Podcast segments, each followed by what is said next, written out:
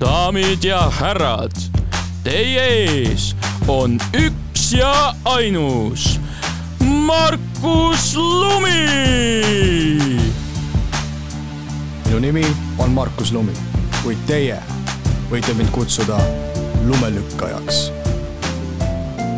tere tulemast saatesse Lumelükkaja, mina olen teie saatejuht Markus Lumi ja minul on täna külaliseks Hardo Pajola. Hardo, tere tulemast saatesse! tere, tänan kutsumast! sina oled siis võib-olla tuntud kõige enam tähenduse teejuhtide nii-öelda lehe, kuidas ma ütlen, loojana ja toimetajana, samaaegselt ka siis sa oled asutanud Edmund Burke'i seltsi, mille raames sa siis ütleme, viid läbi erinevaid diskussioone sellistel väga tähtsatel eriti filosoofilistel ja psühholoogilistel teemadel, poliitikat on sealjuures, poliitfilosoofiat, et võib-olla räägiks kõigepealt sinu nagu taustast, et nagu ma aru saan, oled sa tegelikult hariduselt majandusteadlane ja, ja nimelt omandasid selle hariduse Cambridge'i ülikoolis siis magistrikraadi näol. et tahaks küsida, et sa kuskil kirjeldasid seda kogemust sellise üsna, üsna ränk oli seal nagu õppida või kuidas öelda, et, et mil, mis moel ta oli ränk ja, ja mis oli nagu see üldine selline õhkkond sellises ülikoolis ja üleüldine selline kogemus? jah, no mina läksin, üks üheksakümmend kolm oli neil programm Diploma in Economics, mis mis oli siis mõeldud noh, see oli see aeg, kui piirid lahti läksid ja see idablokk oli väga populaarne. ja nende siis pärismaalaste koolitamine seal ja ja, ja, ja see oli jah, siis selline, nad nimetasid seda conversion course või ühesõnaga siis majandusteooria nendele, kes ei olnud varem sellega kokku puutunud, meid oli seal üle maailma mitte ainult Ida-Euroopast, aga minu meelest Ida-Euroopast oli, ma isegi ei mäleta. nojah, põhimõte oli see, et et jah, siis niisugune sissejuhatus majandusteooriasse inimestele, kes, kellel sellega vastu ei olnud varem kokkupuuteid ja siis ma, kuivõrd seal mul läks hästi, siis ma sain mit-, sain edasi jääda ka magistriõpingutele ja, ja, ja, ja tõepoolest siis üheksakümmend viis ma oma, omandasin, sain seal need äh, magistripaberid seal ja no mis tegi kõige keerulisemaks, oli jah see, et ega seal enne ei teadnud, kui eksamitele aeg, et kuidas, eriti teisel aastal, esimene aasta meid, meil oli oma klassijuhataja, kes meid seal kantseldas ja siis oli pidev niisugune tagasiside, et see noh, seal oli ka, oli ka piisavalt keeruline, aga, aga noh, vähemalt jah, kogu aeg oli niisugune, hoiti hoiti kätt pulsil, et enam-vähem oli ettekujutus sellest, et kui ta läheb, kuidas läheb, aga, aga jah, järgmisel või teisel aastal, mis kõige rohkem mm, võib-olla jah, niimoodi küpsetas äh, psühholoogiliselt, oli see, et enne, enne eksameid ei teadnud üldse, mis, et kõik jah, oma pead oli see toimetamine seal. et hästi iseseisev mm? -hmm. hästi iseseisev ja no eks ma võtsin ka üle äh, äh, noh, ma ju astusin Tippi kooli kaheksakümmend seitse, jah, majandusteaduskonna, no siis oli selline poolmarksistlik niisugune plära, mida meil seal õpetati, poliitökonoomia ja, ja noh, siis reaktsioon sellele oli, et ma võtsin, keskendusin sellistele matemaatilistele, statistilistele ainetele, mis noh, arvestades minu tolleaegset tausta matemaatikas olid võib-olla keerulised mulle, nii et see oli ka lisa et oleks võtnud lihtsamad ained, oleks olnud keerulisem, aga, või tähendab, oleks olnud lihtsam, aga aga need kaks asja jah, et, et, et teine aasta ei teadnud, kuidas seal üldse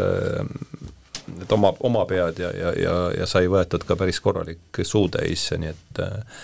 oli päris keeruline, jah. mismoodi see õhkkond äh, sellises kohas oli? no õhkkond oli, eks Cambridge on ikka maaliline linnakene ja õhkkond oli no see oli siis, äh, sellest saab juba maingot sellest saab kolmkümmend aastat varsti lõpetamisest, see oli hoopis teine, see oli ikka täitsa teine ajastu jah, et selliseid probleeme, nagu me praegu kuuleme siin, sellist üle, eks ta oli teistmoodi kindlasti ideoloogiline, aga, aga noh, tol ajal ei pannud seda võib-olla. et ei, ilus, ilus aeg oli, ilus, raske, aga, aga, aga ilus. selles mõttes, et kõik see nojah, et Rakvere noormehele, Cambridge, ega see on, oli ikka. ja seda enam, et ma läksin üheksakümmend neli, ei, üheksakümmend kolm ma läksin siis teha. et noh, seitse aastat tagasi olin veel Vene kroonus, eks, ma mäletan äh,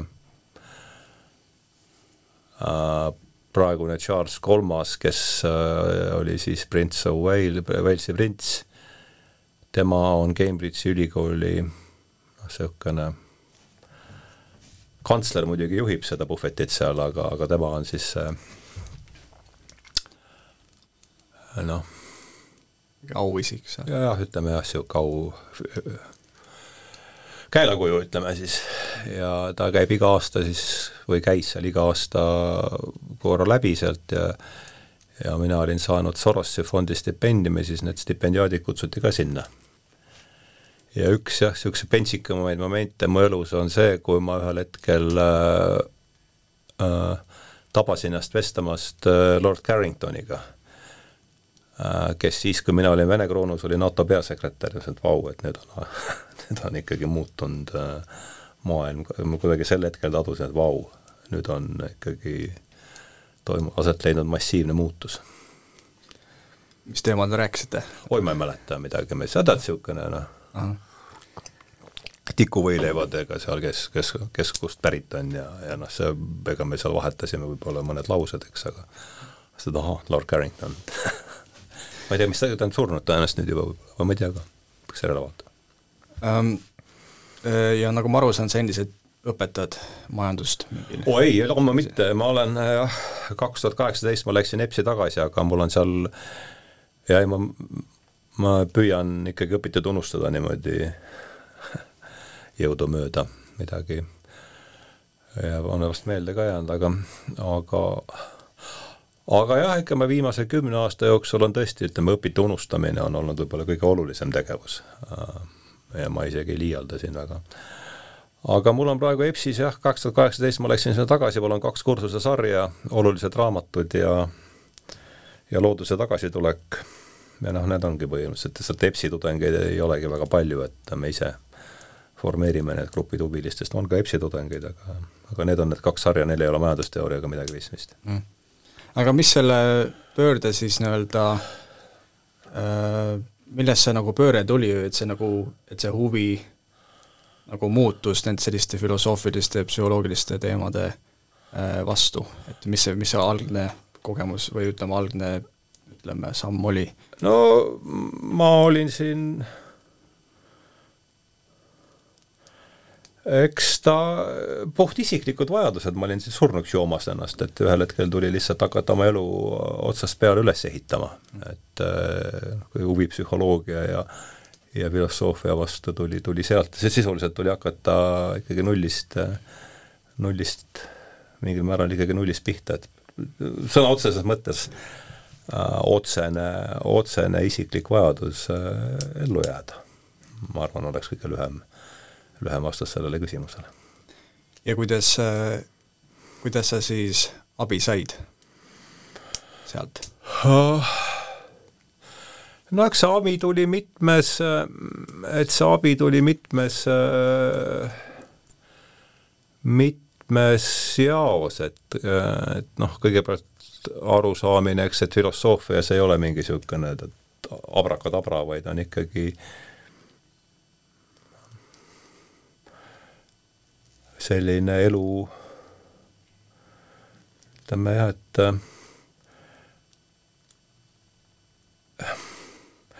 jah, hea küsimus. ma ütleksin niimoodi, et et paranemine hakkas siis või tervenemine hakkas siis pihta, kui ma sain aru, et mul on maailmavaade. ja, ja see võttis ikkagi tükk aega aega. et noh, et siin me peame täpsustama, eks, et noh, me räägime siin, et on, ma ei räägi siin konservatiivne, liberaalne maailmavaade, eks, et need aga maailmavaade just sellel väga alumisel kõige põhimõtt-, nii põhilisel tasandil, et kus me ei saa aru, et meil on maailmavaade, ma arvan, et me, et me näeme, meil on niisugune tunne, et me näeme reaalsust, aga, aga noh, see, seda me näeme ikkagi läbi mingite prillide, mis on meile silmade külge kasvanud sisuliselt. kas sa viitad nagu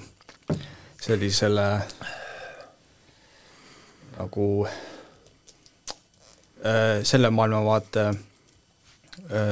kus on nagu nii-öelda, mille, mille mudel nii-öelda sisaldab sellist ma ei tea, transcendentset osa ja, ja, ja, ja se-, ja selle maailmavaate vahel, mis siis sisaldab, mis on materialistikasse jah, see on üks, see on, see on juba võib-olla sealt samm edasi, aga ma, kui ma üldse millelegi viitan, siis Emmanuel Kantile ilmselt, et Kant ütleb, et me ei näe asja iseenesest, vaid me näeme kõike, me näeme kõike läbi mingite tajufiltrite mm. -hmm. ja see, et noh, selle aru, arusaamine sellest, et ma ei, ma ei näe mitte maa eh,, ütleme, Kant nimetab seda asjaks iseeneses, et ma ei näe mitte asja iseeneses, vaid see, mida ma näen, selle määravad ära minu ikkagi needsamad parema kujundi puudumisel mingi tajufilter, mis siis tuleneb sellest, eks, mis on eeli-, mis on lapsepõlves kaasa tulnud, mis on siin kogetud, mis on temperamenditüüp, et kõik see, et veel kord me näeme maailma läbi oma isikliku filtri ja see, ja see ongi see maailmavaade kõige põhimõte, ütleme, kõige sellisel, kõik ülejäänud tulevad sinna peale, kuni noh, see mida me tavaliselt nimetame maailmavaateks siin, konservatiivne, liberaalne, see on seal juba noh, neljas-viies korrus sellel peal, et sellest arusaamine, ma arvan, võib-olla jah, Kant oligi kõige, Kant ja, ja muidugi Jung oli väga, Petersoni kaudu tuli Jung. see oli äärmiselt oluline, oluline pööre mm. -hmm. aga võib-olla räägikski siis äh, ka Petersonist, et äh, ütleme, et Kant oli keegi, kes sind vägagi mõju avaldas ja see Peterson, et, äh, et mis moel Peterson sulle mõju avaldas uh,? no Peterson, keegi ütles ta kohta hästi, et Peterson on Jung massidele ja, ja, ja seda ta tõepoolest nüüd tagasivaates minu jaoks ka oli, et see tekitas huvi Jungi vastu ja see muidugi juba siis jah, tõi täiesti, see lõi ikkagi pildi, äh, pildi tekit-, pildi jah äh,, avardas äh, ütleks siis jah, ütleme, et viima-, et see, mis minuga viimase kümne aasta jooksul on juhtunud, ma nimetaksin seda maailmapildi oluliseks avardamiseks. ja Peterson on siin kindlasti Peterson siis ja, ja Jung on siin noh, nende tähtsust on võimatu peaaegu üle hinnata. kuidas minu jaoks. kuidas sa siis nüüd maailmast aru saad nende mõtlejate läbi? noh, ma arvan, et minust on saanud äh, praktiseeriv platonist, et äh, et Platon, Platon, Platoni maailmamudel on lihtne, eks, et eh, kui me teda graafiliselt kujutame, siis võtame eh, veame tahvlile sirge joone, ühele, ühele poole jääb sealpoolsus ja, ja, ja, ja siis eh, ühele poole sii-, siinpoolsus ja, ja ja võib-olla see ongi kõige suurem muutus jah, sest see see maailmavaade, mille sees ma üles kasvasin ja millest ma arugi ei saanud, et, et see, et mul selline maailmavaade on, sellest me just äsja rääkisime, eks, et see ju äh, see eeldab vaikimisi, on, et, et, et on ainult siinpoolsus ja see, see allub, see on põhimõtteliselt nagu suur kell, et töötab nagu, nagu, nagu kellavärk, et noh, kui kogu sellest, kuidas selline mõtlemine on üldse tekkinud, millised on siin tähtsamad äh, ajaloolised äh, pidepunktid, sellest kõigest mul puudus kümme aastat tagasi igasugune arusaam. et minu see on nüüd muidugi pool naljatamisi öeldud ja kõva liialdusega, aga noh, veel kord, kümme aastat tagasi mahtusid minu filosoofia ja psühholoogiaalased teadmised ühte lausesse, et seitsmendal novembril tuleb minna paraadile. see oli see noh, vot nii palju oli sealt tipikoolist meelde jäänud, midagi meile sellest ju ei mm., psühholoogiat noh, null õppekavas ta tõenäoliselt oli, aga no ma ei tea, ma isegi ei mäleta, mida meile seal õpetati, võib-olla tehti mingid paar testi ja ja siit ja sealt, eks, aga see noh mm,, oli kõik niivõrd ühekülgne ja, ja, ja et äh, et nagu ma ütlesin, et äh, viimase kümne aasta põhisisu on olnud äh, ikkagi õpite unustamine ja uute asjade. Noh, Pla-, Platonit mina ise olen nagu käsitlenud niimoodi väga, kuidas ütleme, korraks, aga nii nagu mina aru saan, et mida nagu näiteks, mis on ühist Platonil ja ja Petersonil, on see, et äh, vähemalt mida mina olen nagu avastanud äh, selle sisu juures, mida sina oled nii-öelda siis äh, nagu esitlenud või esile toonud äh, oma tähenduse täijuhtide näol näiteks, ongi see, et, et nad on justkui sellised paljud need mõtlejad, kes käivad läbi nii-öelda sellest äh, tähenduse täijuhtide sarjast, ongi mõtlejad, kes nagu asetsevad sellise äh, kuidas ma ütlen, kahe nii-öelda fundamentalismi vahel mm, -hmm. et üks on, üks on see, mis äh, eitab igasugust äh, äh, nagu ma siis mainisin, nagu transcendentse või nähtamatut ja teine pool on see, mis, mis ainult, kuidas öelda, võib-olla ainult äh,, ainult sellele keskendub. jah et rääkides, rääkides äh, üks, üks nimi, mis tuleb meelde, on James Hillman. ahah, jaa, ja, kellest kirjutasite meil ise sellest äh, number neliteist oli see ilmselt, süvapsühholoogia lehte kirjutasid sa meile, eks ole, jah. Äh, november kaks tuhat kakskümmend üks vist oli, jah. kaks tuhat kakskümmend üks, jah. Äh, ja tema ütles, et veel jällegi väga sarnaselt nagu Petersonile, et on teatud müüdid, nagu justkui narratiivid, mis meie elus pidevalt rolli mängivad, aga mis võib-olla ka rolli mängivad nii-öelda ühiskondlikul äh, tasandil, kultuursel tasandil, et mis, missugused äh, müüdid sina välja tooksid või narratiivid sina välja tooksid nii-öelda tänapäeva puhul, mis, mis eriti nagu kajastuvad või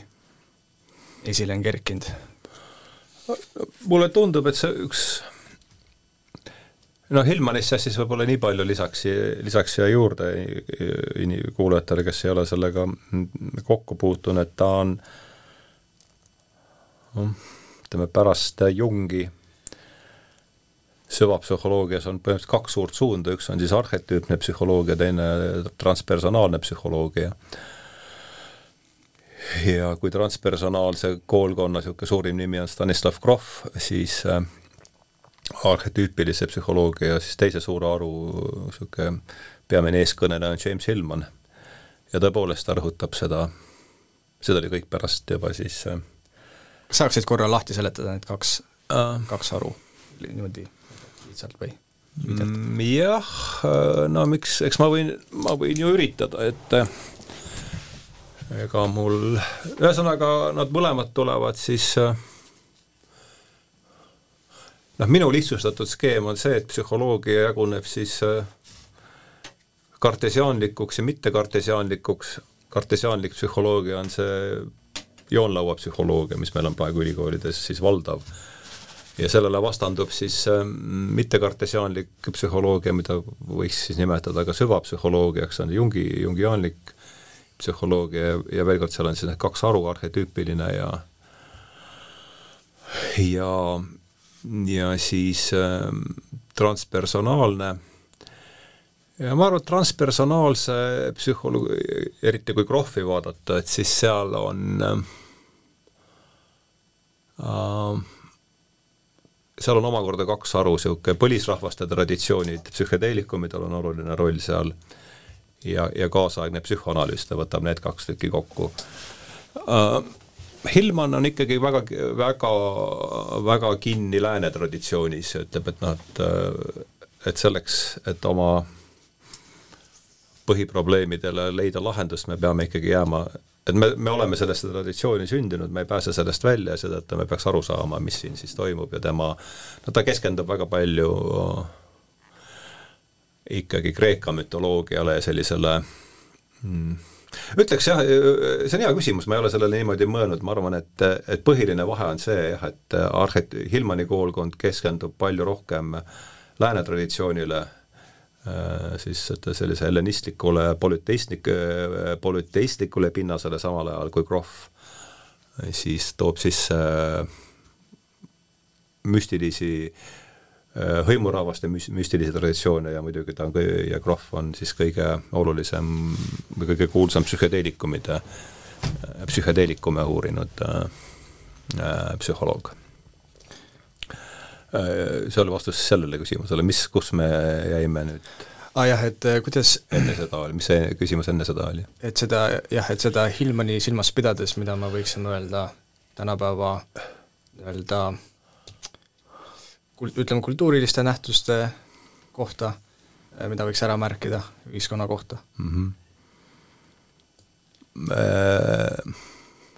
nüüd ma olen natuke, küsi, küsi palun veel uuesti see, et, et Hillman et, et Hillmani nagu mõtlemist äh, silmas pidades, kuidas me analüüsiksime mõningaid nähtusi tänapäeva ühiskonnas või kultuuris? Noh, üks lause võib-olla, kus tal on mitmeid selliseid äh, no võib-olla üldse, kuidas ma üldse temani jõudsin, ma intervjueerisin Tähenduse teejuhtide üheksanda numbri jaoks äh, USA kultuuriloolast Richard Tarnas, kellel on isiklik kokkupuude nii Stanislav Grofi üks kui ka, kui ka James Hillmaniga. Et ma olin Hillmani nime varem kuulnud ka siit ja sealt teda Youtube'ist äh,, Youtube'ist niimoodi nuusutanud, aga siis ta ühe, ükskord küsis, tema küsis minu käest, et kas sa oled, kas sa oled Hillmanist midagi kuulnud, jah, ma olin kuulnud ja ma teadsin, et Hilmar rõhutab väga hingemõistet äh, psühholoogias. Ja siis ta, ja see tsitaat, mis äratas minus huvi Hilmani vastu, oli see, siis ta äh, tsiteeris Hillmani tuhande üheksasaja seitsmekümne viiendal aastal välja antud raamatust Revisioning Psychology ühte lauset, mis ütles, et kui psühholoogia ei tunne huvi hinge vastu ja, ja enamik siis ülikooli psühholoogias, pole sellist mõistet olemaski et kui ta seda ei tee, siis peaks psühholoogiat nimetama kas statistikaks, füüsiliseks antropoloogiaks, kultuuriajakirjanduseks või tõuaretuseks. ja seda, ahah, see on huvitav, huvitav ja vaimukas mõte. Ja siis ma hakkasin teda, temaga niimoodi põhjalikult äh, tutvuma ja ja noh, seal on palju asju tema puhul, et, et, et võib-olla kui jällegi sellistesse lööklausetesse üritada panna, sest ega ma ei jõua siin äh, pooleteise tunni jooksul väga süvitsi minna asjadesse, aga üks on see, et meelepõhi on poeetiline ja midagi, ah soo jah, et äh, mütoloogia on antiikaja psühholoogia. Ja psühholoogia on nüüdisaja äh, mütoloogia, midagi sellist, et see ikkagi ja see, et et need Kreeka mütoloogia on sisuliselt tolleaegne, tolleaegne psühholoogia, see tundus mulle huvitav, et noh, need on need jumalad, millest nad need räägivad, need on lihtsalt mingid psühholoogilised, mingid käitumis, isikustatud käitumismustrid või, või arhetüübid ja, ja see noh, see oligi see küsimus, eks, et kui ma nüüd ennast kümme aastat tagasi mõtlen, et noh, siis jällegi see ellujäämise, seepärast oligi ellujäämise, ega mul ei olnud, noh, ma ei liialda, aga ma ütlen, et see oli lihtsalt ellujäämise küsimus, tuli kuidagi midagi, ma pidin kuidagi oma, oma taju ja mõtlemist muutma, sest vastasel juhul noh, ma oleks juba paremal juhul surnud. aga siis võib öelda, et äh, tänapäeva see, see mütoloogia, millest äh, lähtub äh, tänapäeva psühholoogia, on selline materialism võib-olla no põhimõtteliselt küll jah, et rohtude näol. jah, noh et noh, jah, ütleme see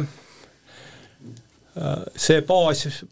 baasmüüt või maailmapilt on see jah, et maailm, maailm koosneb ennast, maailm koosneb äh, väikestest aineosakestest, äh, mis alluvad matemaatilistele liikumisseadustele ja Pierre de Laplace ütles siis kaheksateistkümnenda sajandi alguses, et, et kui oleks selline mõistus, mis teaks kõigi nende, mis teaks kõigi nende aineosakeste algasendit ja, ja, ja liikumissuunda ja, ja, ja ja kiirust, impulssi, et siis noh, sellise, et sellisel mõistusel, et kui säärane mõistus teaks aineosakeste asukohta ja, ja siis ki-, liikumissuunda ja kiirusi, siis sellel oleks, oleks põhimõtteliselt võimalik välja arvutada nii tulevik kui ka minevik, et see on laias laastus see, endiselt see teadvustamata arusaam, millel siis ülikooli psühholoogia minu arvates rajaneb. ja, ja noh, ehk et siis poeetilisemalt väljendades, et meie, meie aju kujutab endast äh, mingeid selliseid füüsikalis-keemilisi hammasrattaid ja kui seal midagi viltu läheb, siis tablettide näol viskame, paneme sinna need, paneme sinna lisahammasrattad ja, ja, ja, ja siis saab korda. noh, muidu see on karikatuur muidugi, aga mm, -hmm. aga noh, kuidagi peab lühidalt. jah, kuidagi peab neid asju enda jaoks ju mõtestama tundub siis justkui, et äh, sellisest materialistlikust äh, nii-öelda käsitlusest äh, justkui nagu peab väljuma. Et kas see sinu jaoks on nagu fakt, et me ei, et, et materialism ei ole tõene, nii-öelda tõene kõige otsesemas mõttes või et see on nagu, kuidas öelda, nagu selline pra-, pragmaatiline äh, tõde, et me peaksime sellisest raamistikust nagu väljuma, kui me mõtleme mm. enda peale, ütleme psühholoogia peale niimoodi. no siin on nüüd, äh, ma teen siin väga kahe, ma teen siin, äh, ma saan aru, selle, see käik on metodoloogiliselt väga kaheldav, eks, et mina pidin ja me peame, seal on, eks, need on erinevad väited, et mina pidin jah, mulle, veel kord, et mulle ei jäänud lihtsalt teist võimalust. Nüüd on, kui, kui palju minu isiklik kogemus on nüüd laiendatav kogu supi peale, noh, see on suur küsimus ja, ja, ja noh, selgelt eh, teadusliku metodoloogia järgi ei ole, eks, aga aga ma ei saa ka midagi noh, ma olen tõesti vee, üsna veendunud, et et kogu meie tsivilisatsioon seisab praegu tulenevalt isiklikust kogemusest äh, ja see on isiklik veendumus ja, ja, ja, ja teistel on õigus oma veendumusele, aga minu veendumus on tõesti selline, et et kogu meie tsivilisatsioon seisab üle praegu vastamisi sarnaste probleemidega, millega ma seisin kümme aastat tagasi äh, vastamisi. ja sa küsisid, et kas see, et maailm ei ole kellavärk või masin, et kas, kas see on, kas see on fakt või, või on see miski, millest me, või me lihtsalt ei tohiks mõelda niimoodi? mina, mina ütleksin seda, et see on minu jaoks äh, läbitunnetatud äh, reaalsus. jah, see on see, millele jah, sa ütleks, et see on see, see on see alusoletus, millest ma lähtun ja ja selleni jõudmine võttis, äh, no võttis kaua aega ja ma olen igasuguste tõenäosusteooriate järgi ei peaks seda vestlust siin olema juhtunud, sest noh, kuidas on võimalik olnud ellu jääda, see on olnud mida sa ütleksid siis neile, kes äh, ütleme, ei võta tõsiselt äh, sellist lähenemist, ütleme noh, on sellised, ma ei tea, on selline isegi nagu Richard Dawkins, kes, kes kui ta, kui äh, vestlus näiteks religioonis, siis tema ütleb tihtipeale, et ta ei mõtle selle peale, kas religioon äh, teenib mingisugust head eesmärki, kas ta on nagu äh, selles mõttes kasulik, kas seal on midagi sügavamat, nagu psühholoogilises mõttes, või ta lihtsalt, tema hoolib sellest, kas religioon on tõene äh.? noh, mis on äh, jällegi, mis on tõde, äh, see on nüüd oma, ma, ma ütleks, et see, et äh, läbi tunnetatud reaalsus ongi tõde, kui see tema ja, ja, ja siin on muidugi see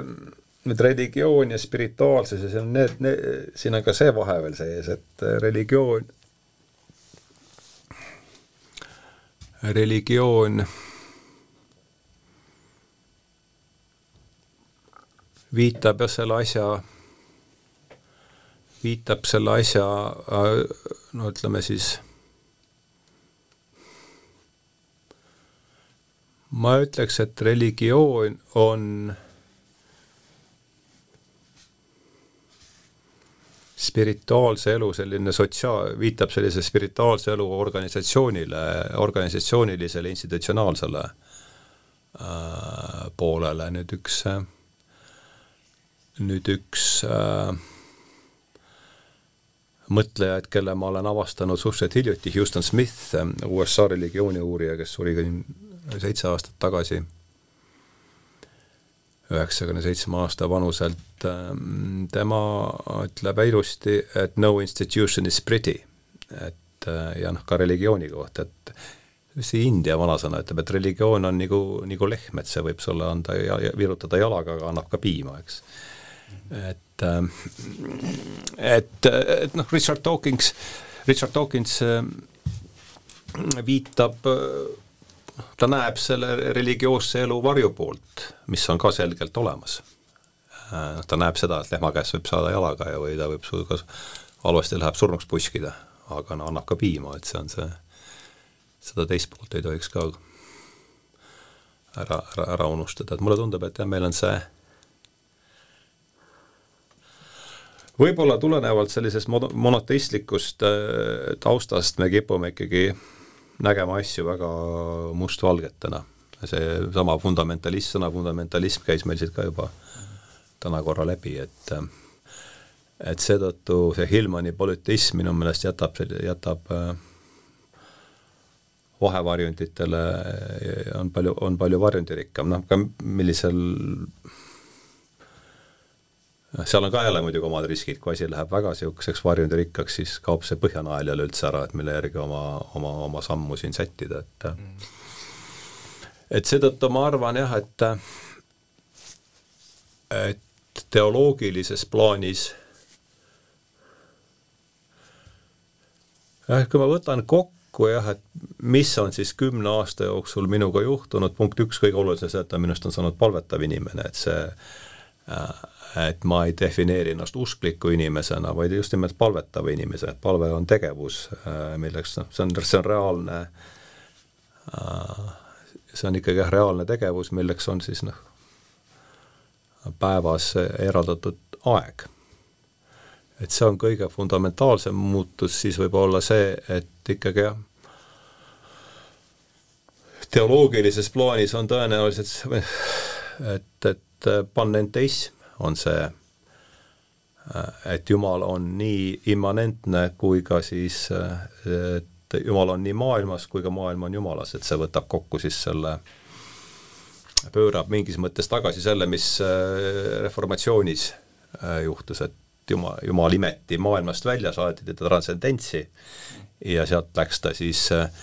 sealt läks ta üldse siis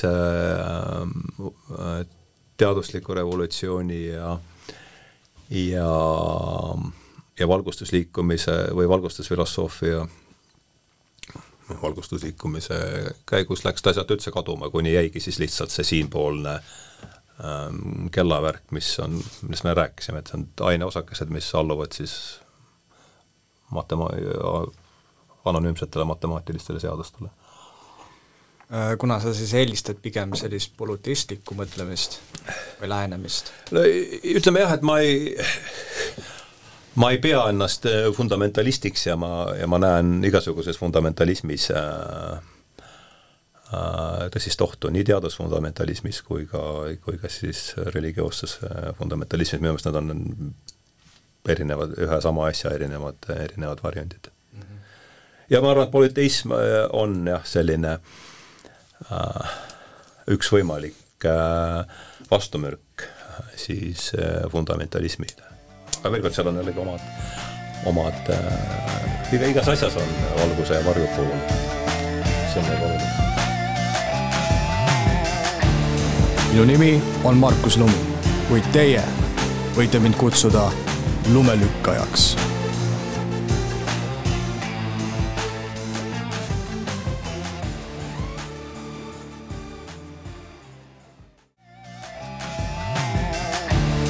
minu nimi on Markus Lumi, kuid teie võite mind kutsuda lumelükkajaks. kuidas me võiksime siis polüteistidena elada?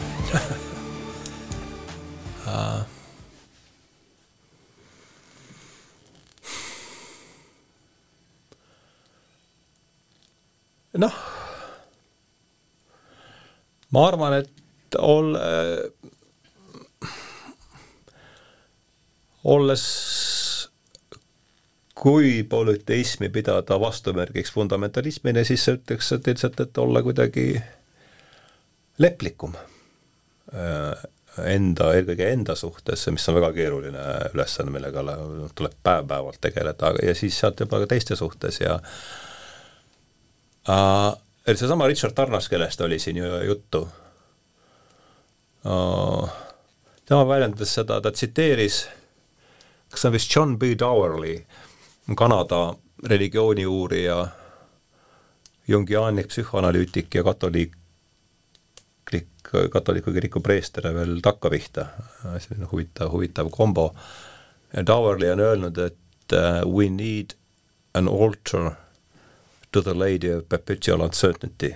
et ehk mis siis eesti keeles võiks kõlada nii, et me vajame altarit igavese määramatuse jumalannale, et et ma arvan, et fundamentalism kasvabki välja sellest võimetusest määramatusega vastamisi seista, et noh, ma, kui sa küsid, et kuidas me peaksime polüteistidena elama,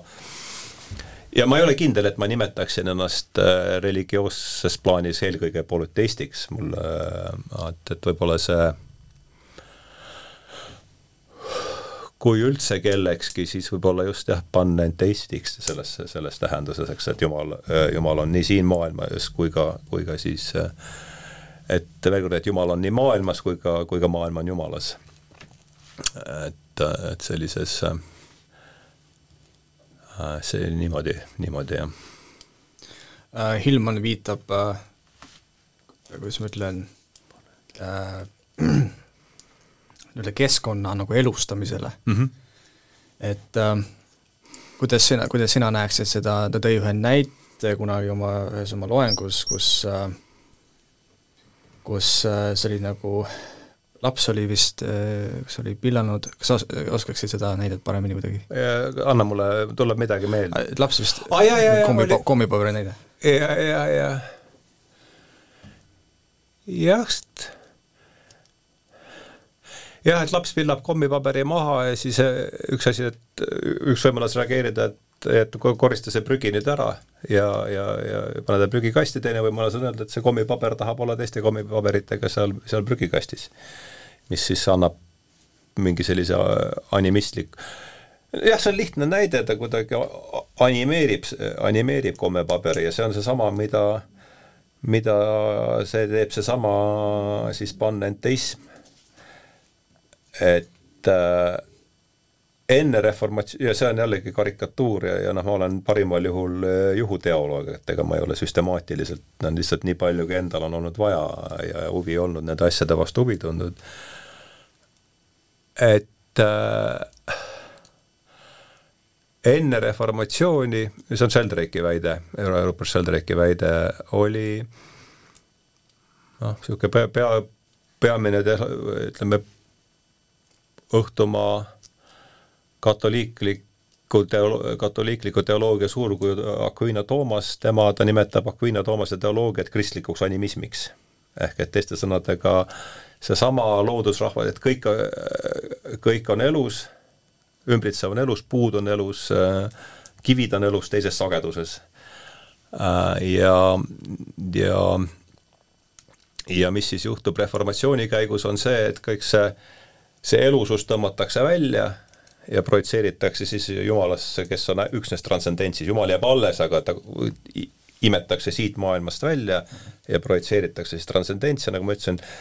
teadusliku revolutsiooni käigus kaob, pole tast, kaob üldse see vajadus ta, ta järgi ära, et noh, ütleme selline animistlik ellusuhtumine toob ta sealt, hakkab teda sealt trans-, kõigepealt postuleerib üldse, et ta on olemas äh,. Äh, noh, ma ei taha seda jottsõna ka siis üle siin äh, kasutada, et see, ütleme, ülim, ülim reaalsus või üli, kõrgema taseme teadvus on olemas, jah, see on võib-olla üks võimalus äh,, äh, jah. Nii et jah, võib-olla jah, et ütleme niimoodi, et kui ma räägin siin Jumalast, siis ma pean eelkõige, eelkõige silmas jah, äh, kõrgema, kõrgema taseme kõrgema taseme teadvust ja see tõmmatakse nüüd animism või see panenteism hakkab teda sealt nüüd sealt Platoni ülevalt joone pealt jällegi tooma tagasi siis äh, siinpoolsusesse ja et nad, et äh, et loodus siis äh, noh, sisuliselt on see niisugune looduse taashingestamise projekt. Ja, ja võib-olla see ongi,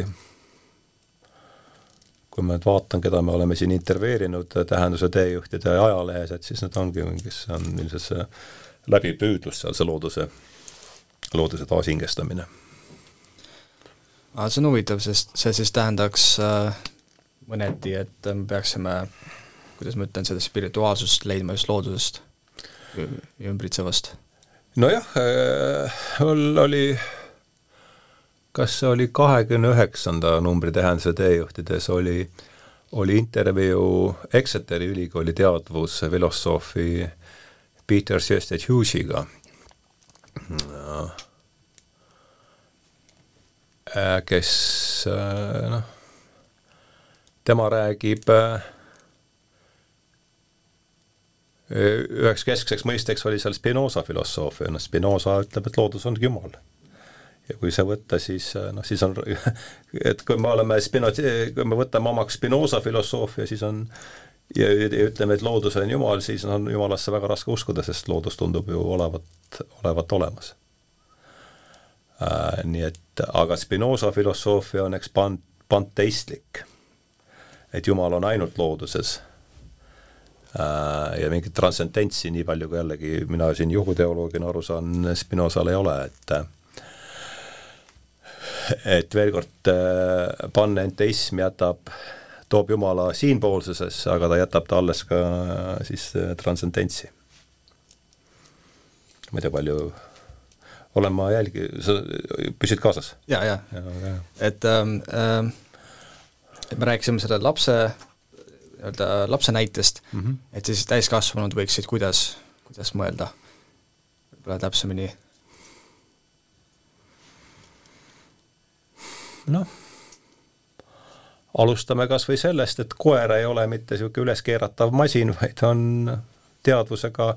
teadvusega olend. see on esimene asi, see on kõige lihtsam, äh, koerast on, äh, koerast on lihtsam pihta hakata ja kassist, et see on äh, olend, kellel on oma teadvus, noh, ma ei kujuta ette, mismoodi kassi maailmapilt välja võib näha, aga noh, ta on samasugune teadvusel olend nagu meie, tema pilt. aga see, noh, sealt edasi võib siis minna, noh, proovida juba hakata erilase poole edasi liikuma, mismoodi eri, erilase Jeremy Naabi ütleb hästi, et et mesilased on, mesilased on aistmisvõimelised, teadvusel olendid, mitte, mitte lendavad rösterid. ja noh, sealt juba edasi siis eks äh, kaasaegne teadus, Jeremy Navi seesama raamat äh, Arukas loodus näitab, kuidas taimed reageerivad, eks, välisärritajatele, kuidas nad omavahel suhtuvad, et äh, et hakata suhtuda ikkagi jah, loodusesse ja kui, kui elavasse organismi ja sellega, ja see pole lihtne, see võtab, võtab kaua aega ja aga ma arvan, et ega siin teist teed sellest tupikust ma ka väga välja, välja ei näe, et et jah. Äh, kas, kas säärane siis äh, kuidas öelda, no võib, kas võib seda kutsuda spirituaalsuseks? jah, ma, ma arvan küll jah, et äh, et see juba, seda, sõna spirit on, see on ju vaim, eks, et, et noh, peale mateeria et me ei ole mitte üksnes mateeria, mis siis allub, meie ise ei ole inimesed, sellest on nüüd lihtsam aru saada, kui osad vaidlevad ka sellele vastu, aga täpselt samuti kõik, mis meie ümber on, on, on osa millegi David Bohm, USA kvantfüüsika on öelda, et mateeria on, on külmunud valgus noh, sama hästi võib öelda ka, et mateeria on külmunud, külmunud teadvus, et et võib-olla see on see niisugune spirituaalse, spirituaalse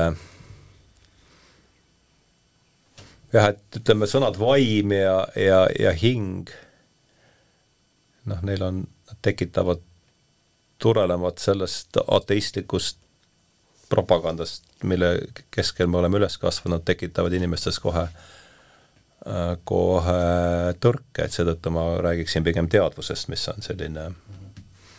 võib-olla neutraalsem äh, ja noh, põhiline küsimus ongi see, et millel meil ei ole vastust, Austraalia teadusfilosoof, see on ka David või? Chalmers on ta perenimi. et seesama teaduse raske probleem, et kuidas, kui me oleme masinad. Ja kõik me koosne- ja meie aju koosneb, eks nendest samasugustest pisikestest hammasratastest nagu, et kuidas siis tekib, kuidas tekib elututest hammasratastest järsku subjektiivne kogemus, teadmus, et see on, sellele ei ole siiamaani, siiamaani vastust. Ja ka nagu ütleb hästi seesama Peter, Peter Sjöstedt-Hughes, kellele ma siin äsja viitasin, et niikaua, kui ei, meil ei ole vastust teadvuse raskele probleemile, kuidas tekib siis veel kord, eks, elututest aineosakestest teadvus, niipea peaksid kõik metafüüsilised äh, võimalused jääma avatuks mm. -hmm. et teatud jah, äh, avatud mõttega peab olema uh,. Chalmers, tema vist rääkis on ta David või? minu arust, ja minu arust on jah ja. ma, ma ei, ma ei, täpselt ei mäleta, kas tema oli, aga, aga vist oli tema, kes tõi sellise no ta rääkis nagu filosoofilistest nagu zombidest kuskil, mis põhimõtteliselt tähendab seda, et uh, ka viitab sellele, millest sina räägid, et me ei tohiks noh, kuidas me nagu ennast näeme, kas me näeme nagu selliste märgade robotitena mm -hmm. või siis näeme noh, reaalsete indiviididena üksteist, kes me oleme kõik nii-öelda unikaalsed oleme ja, ja nii edasi, et ma arvan, et seal on ka omad äh, väga suured ühiskondlikud äh, tagajärjed, kui selline vaade peaks olema täiesti nagu omaks võetud ja ma arvan, et see täiesti võimatu sellist omaks, sellist vaadet omaks võtta. ja millist? Äh, sellist äh, nagu materjali, materjalistlikku vaadet. no just jah, et see, et see moodsa kosmoloogia kõige äh, selline jah, kõige problemaatilisem koht ongi see või see, et kuidas me endasse suhtume, et kui me oleme, kui me võtame ennast lihtsalt selliste bioloogiliste masinatena, kes käivad ennast siin kolme kuu tagant äh, tarkvara uuendamas, noh siis on, siis on see üks vaade ja, ja, ja see noh, avab, avab äh, kõiksugu võimalusi, mis ei pruugi ka olla kaugeltki tervitatavad. aga rääkides äh, nii-öelda tarkvara uuendamisest, et äh, mis on sinu arvamus transhumanismist? Uh,? et see põhi, kui seda peaks lihtsalt kirjeldama, siis põhimõtteliselt see on ma ei tea, kuidagi nagu inimpiiride ma ei tea äh,, liikumine, mis siis, mille eesmärgiks on nagu inim selliste piiride, piiridest nagu vabaks tegemine ja, ja räägit-, viidatakse sellisele post, posthumanistlikule nagu maailmale või niimoodi. et mis, mis, kas sa oled selle peale mõelnud ja, ja, ja ka selle peale, et mis on nagu, mis oleks nagu transhumanismi äh, tagajärg? no eks sellel ma arvan, et nii, nii, nii mitmetel inimestel või erinevatel inimestel on sellele äh, küsimusele, mis on transhumanism, erinevad vastused, mina ütleksin niimoodi, et äh, transhumanism minu jaoks kujutab endast inimese ja masina äh, kokkukasvamist ja sellisena, ja sellisena siis seda noh, Descartesi filosoofia, sedasama masinliku filosoofia apoteoosi, ehk siis äh, kogu maailma asfalteerimist. Ja noh, sellisena, sellises tõlgenduses on ta no, diametraalseks vastaseks sellele, vastandiks sellele, millest me siin eelpool rääkisime, et mm looduse taashingestamise Äh, see on, see on minu jaoks jah, see looduse taashingestamise otsene vastand. Ähm, tulles korraks, korraks veel tagasi sellele spirituaalsusele, millest me rääkisime, et kas see sinu arvates on miski, mis pigem peaks jääma nagu iga indiviidi enda projektiks või see võiks olla ka, kuidas öelda, või seda saab näha ka sellise kollektiivse projektina? ma, jah, ma arvan, et ta on üht ja teist, sest äh, noh,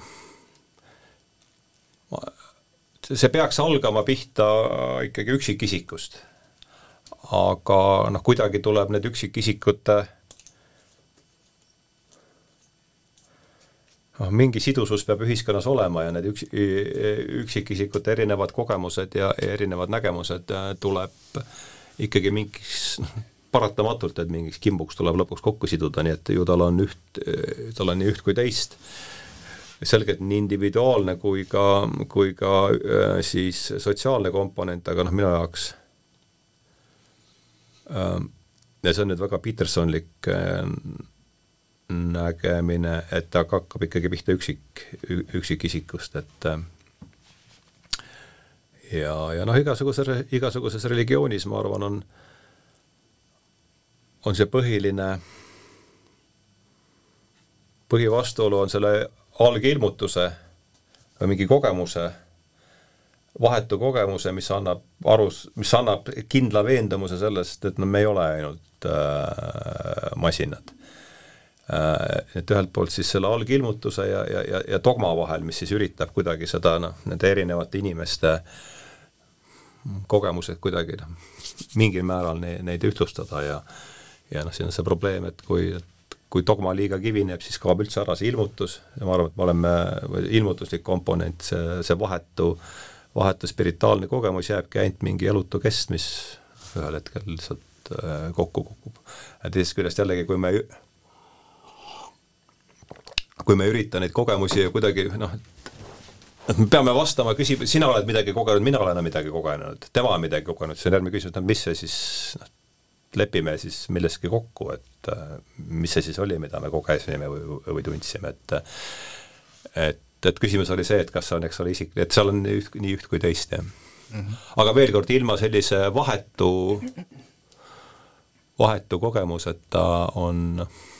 keeruline millestki rääkida. ja, ja noh, ja seda on öelnud Sheldrake, Rupert Sheldrake, et äh, et ta arvab, et osade inimeste jaoks tegelikult ongi psühhedeelikumid on ainsaks, ainsaks äh, võimaluseks äh, sellisest äh, Newtonlikust kartesiaanlikust maailmapildist ennast lahti riputada ja noh, mina pean ennast selgelt nende, sellesse kategooriasse, kategooriasse kuuluvaks. oled sa sellega ka ise eksperimenteerinud? jaa, jaa, ma ole, jah need on, need on olnud olulised kogemused minu jaoks, jah. saaksid sa natukene avaldada, mis need realisatsioonid sealt, seal olid? noh, ma kirjutasin sellest, ma kirjutasin sellest kahekümne kaheksanda lehe suures intervjuus mu käest küsiti sama asja, et äh, või noh, seal ma kirjutasin jah, kaks tuhat kuusteist äh, mais oli, no ma olin ikkagi jah, nojah, ikka, ikka väga suitsiidsed meeleolud olid. ja, ja siis äh, kusagil mai keskel tarvitasin ma LSD-d esimest korda ja ja juuni, juuli alguseks oli Edmund Burke'i selts juba loodud. nii et noh, mu käest on küsitud, et mis seal siis juhtus, ma ega ei olnud, et oleks keegi ingel tulnud taevast alla, teinud mõõgaga ahaa või midagi, et ei midagi sellist, aga noh, tõsiasjad on sellised. et äh, et oli noh, tõesti äärmiselt suitsiidne periood oli ja, ja noh, kuu aega hiljem oli seal ja seal oli noh, üks isegi mitte noh, see oli veel siis puhtalt, puhtalt veel oma käe peal, et noh, no võta kinni, no ma ei oska seda. aga noh, mõju oli selgelt selline. ja ma ei saaks öelda, et noh, hiljem on olnud seal küll asju, mis on nii et jah, et veel kord, kui, kui ei ole kogemust vahetut kogemust, siis on väga, no need ei ole asjad, mida saaks nüüd niimoodi ajalehest või raamatutest äh, kokku lugeda, ütleks mina. ja veel, ja, ja ja noh, äärmiselt olulist rolli on mänginud need kaks, mu viimased kaks tõlkeraamatut, äh, teades äh, Robert Sheldrake'i teadus ja vaimne praktika ja kuidas minna edasi, mis siis käsitlevad ühtekokku neljateistkümnet vaimset praktikat, mis on ühised kõikidele maailma religioonidele ja nende praktikate eesmärk on anda see kogemus. Mm.. Uh, mille peale saab siis hakata asju üles ehitama, need on siis uh, esimeses, no ma loen nad, need on, see on oluline olnud, need raamatud on minu jaoks olnud väga-väga olulised. et noh, ta jah, see, ütleme, see maailmavaate muutus on, on ikkagi hakanud suuresti sealt alguse saanud, esimeses raamatus käsitleb ta kõigepealt, esimene peatükk on meditatsioon, tänulikkus, siis on taasühinemine loodusega, suhe loodusega just nimelt, et äh, mm, siis on suhted taimedega, see on lihtsalt, ta ütles, et see peatükk oleks, ta on bioloog, et see peatükk oleks läinud liiga pikaks tegud lõi selle kaheks, rituaalid. Oli viies, ühislaulmine, muusikavõim, laulmine koos teiste inimestega ja seitsmes olid siis pühapaigad ja, ja palverännakud ja teises raamatus hakkas pihta siis äh, spordi spirituaalne pool, õppetunnid loomadelt, mis oli kolmas? paast. neljas äh, oli kanep ja psühhedeelsed avanemised, viies palve, kuues pidupäevad ja festivalid ja seitsmes siis vabanemine halva, halbadest harjumustest ja sihuke, noh, need on kõik, et et, kõik ja, ja siis iga peatüki lõpus on, on kaks konkreetset soovitust, mida teha. näiteks äh, suhetes taimedega et vali endale välja kusagilt lähedalt mõni puu ja hakka talle pöörama tähelepanu. ja see muudab äh, väga palju. kui sa vaatad ühte puud mitmeid aastaid, kuidas ta, eks ole, aastast, aastaringselt muutub, see loob sideme mingi sellise, võib-olla tekitab, tekitab suhte ja, ja noh, sealt on selle looduse taashingestamiseni noh, see ongi see looduse taashingestamine ja, ja, ja noh, mis mis mind väga palju on aidanud, on see soovitus äh, siis psühhedeelikumide peatükis, et kui sa tahad minna psühhedeelsele teekonnale, siis võta seda palverännakuna et noh, jällegi, miks ma midagi teen ja mis on selle ja, ja et see asi peaks ikkagi toimuma rituaalses, rituaalses kontekstis. noh, ma olen, eks olen, on olnud võimalik viibida siis piirkondades, kus, või riikides, kus see on ka lubatud, Brasiilias ja, ja Hollandis ja, ja sellistes. kas selle, kas LSD tarvitamine nagu ma olen kuulnud äh,, ma olen äh, kuulanud Sam Harrise podcast'i mm -hmm. ja tema rääkis sellest, kuidas, kui ta seda tarvitas, siis tal tekkis selline suur, kuidas ma ütlen, äh, nii-öelda sõbralik, selline oma sõbra vastu nagu armastus, nagu inimeste vastu armastus. ja et see lõpuks siis äh, on äh, lõpuks temast ju, ta hakkas ka mediteerimisega noh, meditatsiooniga pihta ja, ja ma, nagu ma aru saan, siis budismis on, on ka selline praktika nagu metapraktika, et sa nagu soovid head mm -hmm. lähedastele inimestele niimoodi.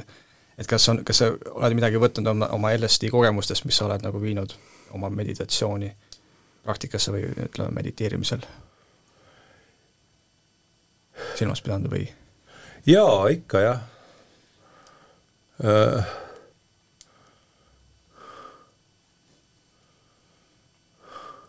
ja ei, see iga, igapäevane meditatiivne praktika ja ma arvan, et need ütleme, see intervjuu, mis mul oli, millele ma ka viitasin siin eelpool kahekümne kaheksandas numbris äh,,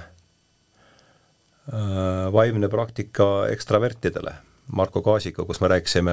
ajahuaskast ja ja, ja just noh äh,,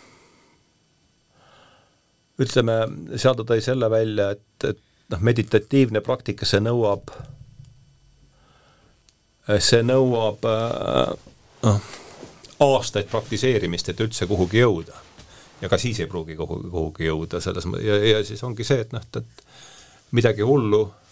sellega ka ei tee endale tõenäoliselt, aga ma olen küll, et palja meditatsiooniga mina ei oleks, ma ei oleks kuhugi jõudnud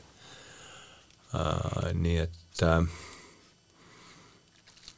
nii et need jah, ja noh, veel kord ma rõhutan seda, et neid vaimseid praktikaid on seal neliteist ja mitte kõik ei pruugi, pruugi kõigile sobida ja, ja ja, ja psühhedeelikumid kindlasti ei ole ka, ma olen kaugel sellest, et need peaksid igalühele igal ajal kättesaadavad olema, aga noh mm -hmm., aga ma räägin jällegi sellest, et ma, mina ilma nendeta tõenäoliselt ei oleks sellest sellest kohast äh, välja tulnud, noh, Sheldrake ütleb seal hästi, et äh, paastumise kohta, et kui te olete, eks, anoreksia viimases staadiumis, siis ei ole tõenäoliselt paastumine esimene vaimne praktika, millega pihta hakata, eks, et jah, see, see on see koht, kus see materiaalne segab, no segab vahele, ütleme, hakkab mõjuma. et peab seda silmas ka pidama. ja et kui on ikkagi kalduvus skisofreeniale, siis tõenäoliselt ei ole mõtet ka, eks, hakata kohe mingit või ma ei tea, et, et jah, igaüks äh, et seal on jah, palju mänguruumi ja igaüks võiks leida endale noh, ja, ja noh, kõigepealt peab olema üldse mingi vajadus, miks, miks midagi teha, et kui päevauudist, päevauudiste jutt rahuldab ja, ja meel püsib rõõmus, siis noh, et võib ju ka nendega elu lõpuni purjetada, aga mina seda ei, ei, ei suutnud ja, ja ma arvan, et vaadates seda depressiooniepideemiat siin enda ümber, noh, tundub, et miljonid inimesed ei suuda selle looga hakkama saada, mis, mis neid oma vangis hoiab. Mm.. mina olen ka mõelnud selle peale, et kuidas seda, no seda võib mitmete siltide või nimede järgi nagu nimetada, et spirituaalsus või see nii-öelda nähtamatuga, ma ei tea, tutvumine või ma ei tea, kuidas öelda selle äh, suhte loomine või niimoodi, et kuidas ma seda, kuidas mina saaksin seda teha, ilma et ma, kuna ma ise ei ole otseselt nagu usklik või niimoodi, et kas mul on võimalik endiselt kuidagi see leida mm. -hmm. Ja nagu rituaale silmas pidades, siis kas nagu, kas, kas tunduks loogiline või tunduks mõistlik näiteks, kui keegi läheb kuskile kirikusse, kuigi ta ise ei ole otseselt, noh, tal ei ole mingit positsiooni selle Jumala olemasolu küsimuse, küsimuses aga, aga ta leiab midagi sellest kirikust ja nendest rituaalidest, mis seal on mm. -hmm. Et, et kas see on nagu, on, on, on see nagu vastuolus, selline see olukord või? no ma arvan, et ei ole, et, et veel kord, mina, ma ei defineeri ennast uskliku inimesena, ma olen palvetav inimene, seda minu meelest on seal kaks, see paljudele ei, võib-olla ei, mis seal siis vahet on, aga vahe on minu meelest see, et veel kord praktika see on see Sheldrake'i loogika. et praktika viib kogemuseni ja kogemus viib vaatenurga muutuseni, et noh, ma ei ole, see, see asi ei käi nii, et ma võtan mingi noh, ja ka mingisugustest filosoofilisest argumentidest. või võtan piiblist lõigu ja nüüd usun seda ja olengi usklik. et ei, et see ei, veel kord, praktika, kogemus ja siis äh, vaatenurga muutus. noh, jah, et, et, et ma jah,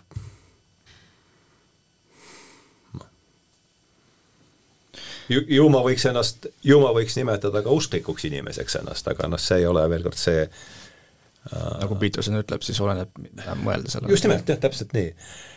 ja, ja tähtis on ikkagi see tegevus, palve ise, selleks eraldatud aeg ja just nimelt tegevus, mitte äh, ja, ja noh, siis mis sõnadega kelle poole, see on juba, noh, see on juba teisejärguline. Mäletan, ma olin just kolm aastat, ma olin olnud kolm kuud kaine, kui üks sõber ütles, et tal läks kolm aastat aega, et aru saada, et Jumal on olemas ja see ei ole mitte mina. et see on esimene, esimene samm, et et ja no võtame asja nüüd puhtpraktiliselt, mida tähendab palve? see tähendab mõtlemist valjusti Eh, noh, parem on seda teha, ma arvan, nagu üksi olles ikkagi valju häälega mõelda läbi asjad, mis mu jaoks on olulised. iga päev mõelda, eraldada veerand tundi selleks, et läbi mõeldada asjad, mis on enda jaoks olulised, no see ei, ma kujutan ette, et see ei saa olla kuidagi eh, kahjulik, eh, kahjulik praktika jätame kogu selle metafüüsika, kas on keegi või kõrgem teadvus või mitte, et see lihtsalt juba puht seeläbi, et iga päev järjestada mingid asjad enda jaoks ära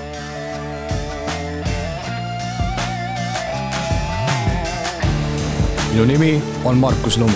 kuid teie võite mind kutsuda lumelükkajaks.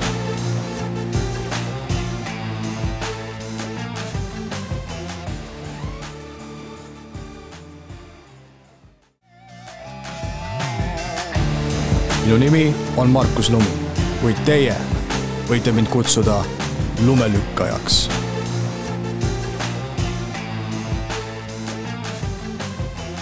selle metafüüsika, metafüüsika puhul, kas sa oled ka äh, nagu Peterson, kes põhi, kes äh, põhiliselt äh, ei eelista mitte sellest rääkimist, vaid et äh, ei pea seda nagu äh, oluliseks või pigem, pigem eirad? noh, selle teema peale mõtlemist või niimoodi? ei, see pakub mulle ikkagi huvi, aga veel kord äh, no see oli, ütleme niimoodi, et Petersoni ma avastasin endale kaks tuhat seitseteist äh, juuli niimoodi. ja siis ma hakkasin kohe äh, tõlkima tema seda tähenduse teejuhte, mis on lõpuks andsid nime, eks, nii lehele kui ka kui ka saatesarjale, aga mm, ma jätsin selle pooleli juba, selle tõlkimise juba kaks tuhat kaheksateist alguses, eriti siis, kui ma Sheldrake'i avastasin, et noh, veel kord, oli vaja tegevusi. Äh, ja, ja just see, see lähenemine, et äh, praktika viib kogemuseni ja ei ole üldse enne, enne midagi tegema hakkama, enne midagi, et selleks, et neid praktikaid rakendada, ei ole kõigepealt vaja formuleerida enda uskumusi, vaid hakata lihtsalt midagi tegema. noh, muidugi palve, palvega on keeruline, sest kui sa ikkagi üldse ei usu, et peale, kui ma üldse ei usu, et peale minu on midagi olemas, noh siis on keeruline, et noh, kelle poole see palve siis ikkagi eeldab, et äh, aga ma sellesse ka väga kinni ei äh, et ikkagi eeldada jah, mingi no just seesama, seesama tõdemus, et Jumal on olemas ja see ei ole mina mm. -hmm. et noh, kes ta siis on ja, ja, ja kuidas seda nimetada, see on teisejärguline äh, seda metoodikat, mida sa kirjeldad, kuidagi väga sarnaneb äh, William Jamesi ideele, et äh, sa justkui kuidas öelda, ta räägib sellest usuhüppe asjast või et sa, sa ütleme, teed mingisuguse, hakkad midagi tegema täieliku teadmatuse nagu põhjal, aga samas sul on mingisugune idee olemas sellest, mis sa tahaks, et see tulevik oleks, ja et nagu selle tegevuse läbi sa, sa nii-öelda loodki mingisuguse tõese päris situatsiooni, nagu ta tõi mingisuguse näite sellest lihtsa näite rongist, kus, kus on mingid äh, röövlid tulnud rongi, võtnud üle ja siis ütleme, et üks inimene seal äh, teeb sellise nagu usuhüppe enda peas, et kui ta nüüd püsti tõuseb ja vastu hakkab, siis seda vähemalt ta nagu eeldab või teeb selle usuhüppe, et ka teised inimesed tulevad mm. temaga kaasa ja ütleme, et teised inimesed tulevadki temaga kaasa ja sellega ta loob nagu selle uue reaalsuse, uue reaalsuse, jah. ja William James on äh, on minu jaoks väga-väga oluline mõtleja, ma rääkisin, et mul on EBS-is äh, oluliste raamatute kursuse sari ja kevadine kursus oli pühendatud William Jamesi usulise kogemuse mitmekesisusele, nii et me mm, jah, et äh, et William James on äärmiselt oluline autor. ja, ja minu meelest Jung pidas äh, kohtumist William Jamesiga oma elu kõige olulisemaks äh,, oma elu kõige olulisemaks või üheks olulisemaks kohtumiseks, kui ma õigesti mäletan äh,. Räägiks veel kõige värskemast loost, mis sa oled avaldanud pealkirjaga Õnnelik. Lapsepõlv. Mm., noh see on selle, kogu selle uue ütleme siis äh, äh seeria nagu äh, põhise teema, lapsepõlv. et sina kirjutasid artikli pealkirjaga Õnnelik, õnnelik lapsepõlv ja seal sa siis äh, noh, mainisid sellist praegu, praegu sellist ka päevakajalist nagu sündmust nagu USA valimised. Ja, ja äh, täpsemini rääkisid siis Robert, Robert F. Kennedy'st, ühest presidendikandidaadist, kes siis äh, oli ühendust võtnud sinu ühe noh, ühe sellise mõtlejaga, kellest, kellest sa lugu pead, Charles Eisen, Eisensteiniga. Yeah et mina olen märganud Robert F. Kennedy puhul seda, et tema loosungiks on selline noh, inimeste nagu kokkutoomine, et see, et, et ühiskond oleks vähem polariseeritud ja killustunud, et äh, kõigepealt küsiks äh,, miks on Charles Eisenstein siin oluline ja jah, ja keda küsis seda. jah, äh, sellele küsimusele on lihtne vastata, see viib meid tagasi, see viib meid ajas, ajas tagasi kolm aastat, see viib meid kolm aastat ajas tagasi üheteistkümnendasse või oli see nüüd kaksteist aprill kaks tuhat kakskümmend. Äh, kaksteist märts ma mäletan. noh, siis oli juba näha, et midagi on teoksil ja mul ei lähe see hetk iial meelest ära, hommikul vaatasime seal uudiseid ja Kaie ütles kohe nagu üles ärkasime, Kaie ütles, et ahah, et USA kehtestas äh, siis äh, Euroopa Liidu kodanikele sissesõidukeelu. ja no ütleme niimoodi, et minu elus on olnud kolm sellist sündmust, kus ma tunnen, et, et jalgealune väriseb, üks on, üks oli siis, kui ma kunagi kaheksakümne üheksandal aastal sõitsin, ma olin siis kahekümne kolme aastane jah. sõitsin bussiga Rakverre, ma olen sealt pärit ja seal tollal sõides Eesti bussis. Ja ma kuulsin bussijuhi raadiost, et Berliini müür on varisenud. see on niisugune, noh, see paneb tagantjärele, on see igatahes jäi mulle see tunne, jäi mulle see meelde, see hetk ja noh, tagasi muidugi omistan ka veel, see tuleb alles juurde, kõik see psühholoogia sinna. kaks tuhat kaks tuhat üks, mis ta siis on meil, üksteist september, eks, helistati mulle ja istusime lokaalis nimega Must Lammas Sauna tänaval Tallinnas ja helist-, tuli telefonikõne, öeldi, et mingi lennuk on sõitnud sisse. Ma alguses mõtlesin, et on mingi väike Cessna, tead ikka neid seal eksib ära nende pilvelõhkujate vahel, aga noh, see pilt. Ja, ja see kolmas, kaksteist märts kaks tuhat kakskümmend, et noh, see, see kõik, mis läks lahti, see uh, see tohutu trall, lennukid pööratakse õhus ümber, inimesed ei pääse läbi, et noh, see on midagi, noh, see on nüüd, tol hetkel ma seda niimoodi ei tajunud võib-olla päris, no ma tajusin, et noh, midagi on nüüd muutunud, eks, aga et noh, ma, arvan, et see saan aru, et maailmakord on nüüd pöördumatult muutunud just sel, sel hetkel, kaks eri, erinevatele inimestele jõudis see erinevalt kohale, ma arvan, et suuremasele osale jõudis see kohale kakskümmend, kakskümmend neli veebruar siis kaks tuhat kakskümmend kaks, kui algas sõda Ukrainas, et et, et mina adusin seda, et, et no nüüd on maailm pöördumatult muutunud kaksteist märts äh, kaks tuhat kakskümmend ja no siis ma hakkasin siis ma hakkasin otsima, et mis toimub. et, et noh, selleks ajaks osalt põhjustel, mida ma, millest me oleme siin täna juba rääkinud, mul ei olnud enam seda teed, et ma nüüd istun Aktuaalse kaamera ette maha, kuulan selle jutu ära, nüüd nii ongi ja et see ongi nüüd, et noh, ma saan aru, et parimal juhul on see lugu väga ühepoolne. et noh, ma ühesõnaga sellist võimalust mul enam ei ole, et ma võtan nüüd ametliku infokandja ette, et siin on nii kirjas ja nüüd nii ongi, et noh, see, selleks ajaks oli mu usaldus juba jälle infoallikate vastu niivõrd, niivõrd lagunenud, et vabandust, et seda teed mul enam ei olnud ja siis ma hakkasin noh, otsima konspiratsiooniteooriaid, et mis, mis siis toimub netist ja nii. Ja kaksteist märts või ka vabandust, üksteist aprill või kaksteist aprill, ma ei mäleta, avastasin ma siis David Fulleri intervjuu Charles Eisensteiniga ja ja see oli tema artiklis kroonimine.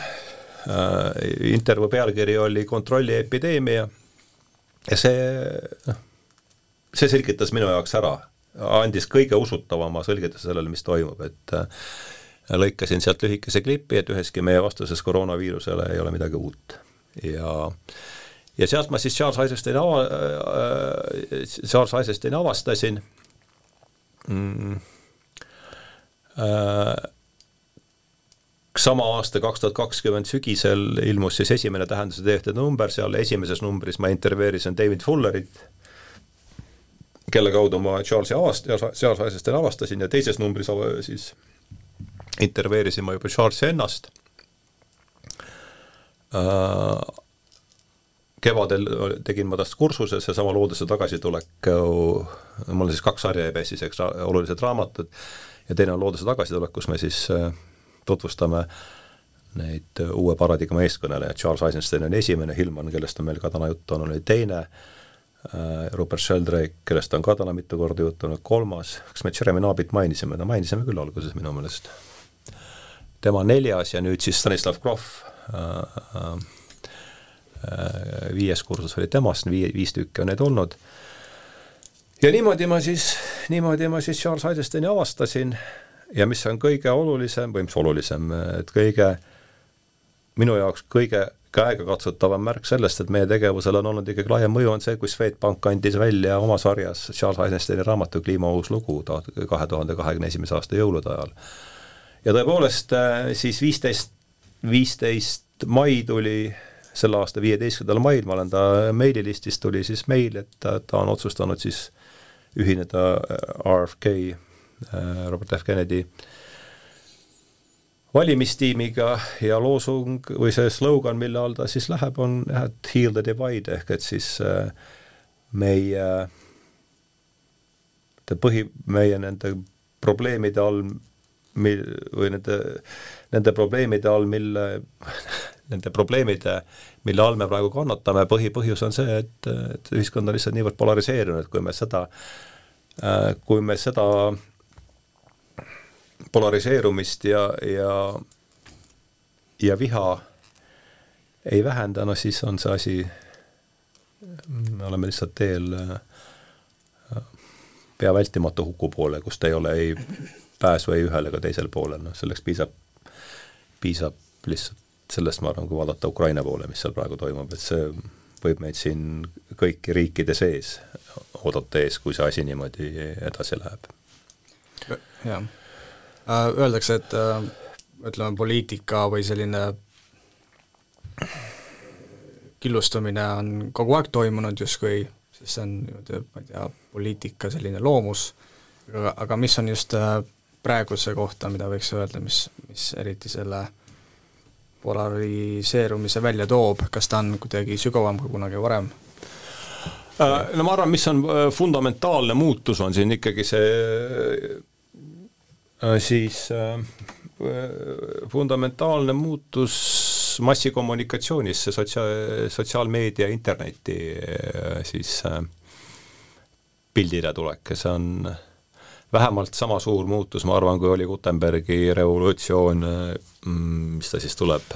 kuueteistkümnenda sajandi, viieteistkümnenda sajandi lõpus, kuueteistkümnenda, kuueteistkümnenda sajandi alguses, et et kui me mõtleme, kuidas nägi maailm välja viieteistkümnenda sajandi lõpus, siis oli, oli meie kõnepruugis ainult üks meediamaja, katoliku kirik, millele kuulusid, eks, kõik kinod, kõik teatrid, kogu internet, noh, mis asjad meil veel on, ajalehed, kõik, kõik, kõik, see oli ainus lugu, mis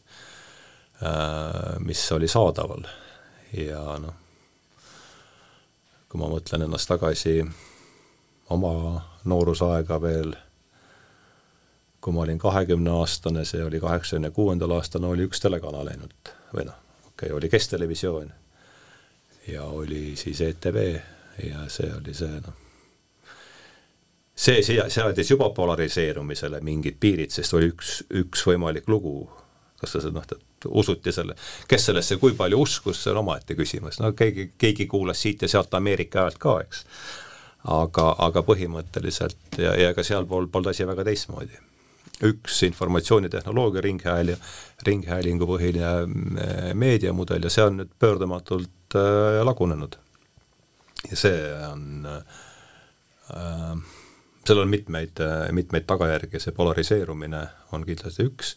ja teine muidugi see, millest mis käisid ka läbi, et äh, hetk tagasi, kui ma ütlen, et noh, et mul ei olnud enam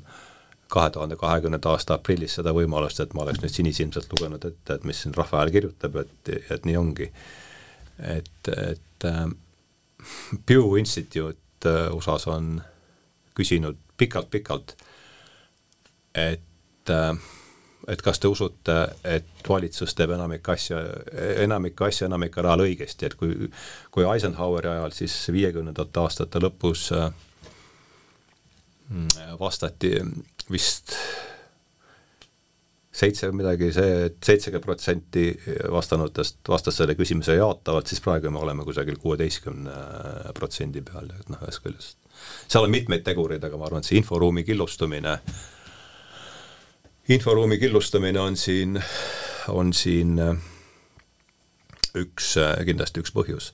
ja jällegi noh, sellel on nii positiivseid kui ka negatiivseid pooli, et noh, positiivne minu vaateküljest on see, et ma üldse olen elus, sest kui mul poleks olnud ligipää-, olekski olnud ainult Aktuaalse Kaamera ja Vremja jutt, noh siis mm. olekski olnud, noh, mul ei oleks võimalust olnud sellest, et ahaa, et sealt, ahaa, et siin on teistmoodi ka veel võimalik mõtelda. Aga noh, see oli minu jaoks selle asja plusspool, aga noh, miinuspool on muidugi see, et kõik on oma kõlakodades äh, ja noh, seal liigub igasugune, aga puudub ühine lugu, mille järgi see sootsium saaks koos. puuduvad ikkagi noh, kui me ei suuda enam kokku leppida selles, kes on mees ja kes on naine, no kuidas me suudame kokku leppida siis, äh, kes kui palju maksu peaks maksma jah, ma eriti äh, sinu juttu ku-, kuulates äh, mõtlen, eks ole, on tekkinud igasugused alternatiivmeedia nagu äh, versioonid, aga samal ajal ma mõtlen, et mis nagu täpselt äh, ega alternatiivmeedia puhul ka, kas ta on niivõrd parem kui nagu peavoolumeedia selles osas, et kas nad räägivad tõde või mitte samal ajal. Ja, ja ei see nojah, et see on nüüd see küsimus jälle, et mis on tõde ja ja mis on äh, reaalsus. see on, eks oleme mingis mõttes seal äh, mingis mõttes seal vestluse alguses äh, tagasi, eks me seda siin kõik äh, üritame praegu, üritame praegu koos leida. Äh, saade hakkab lõpule jõudma, kas on äh, mõningaid mõtteid, mida meie äh, vestluse siis ma ütlen, põhjal nagu võiks edasi anda, mõni mõte?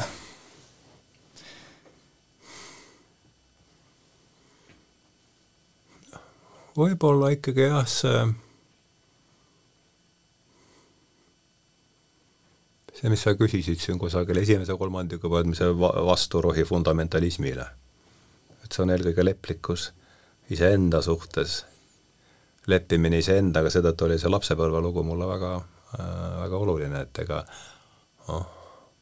see pealkiri Õnnelik lapsepõlv, ega see ei tulnud mulle kergelt.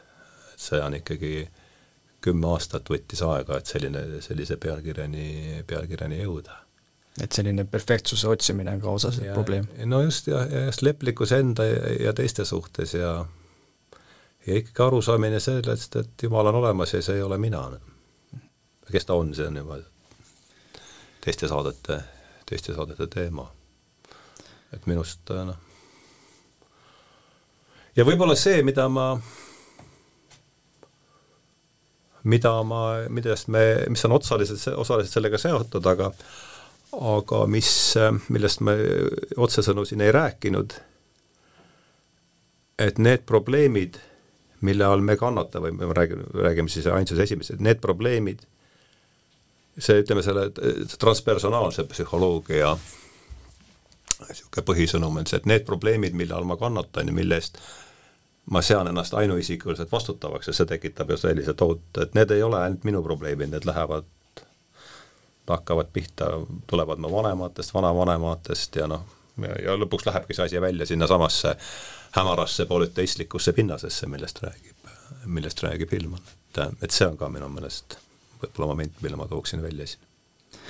aga suur tänu nende mõtete eest, suur tänu, et saatesse tulid ja aitäh ka kuulajatele, et olete kuulanud saadet Lumelükkaja. aitäh! Minu nimi on Markus Lumi, kuid teie võite mind kutsuda lumelükkajaks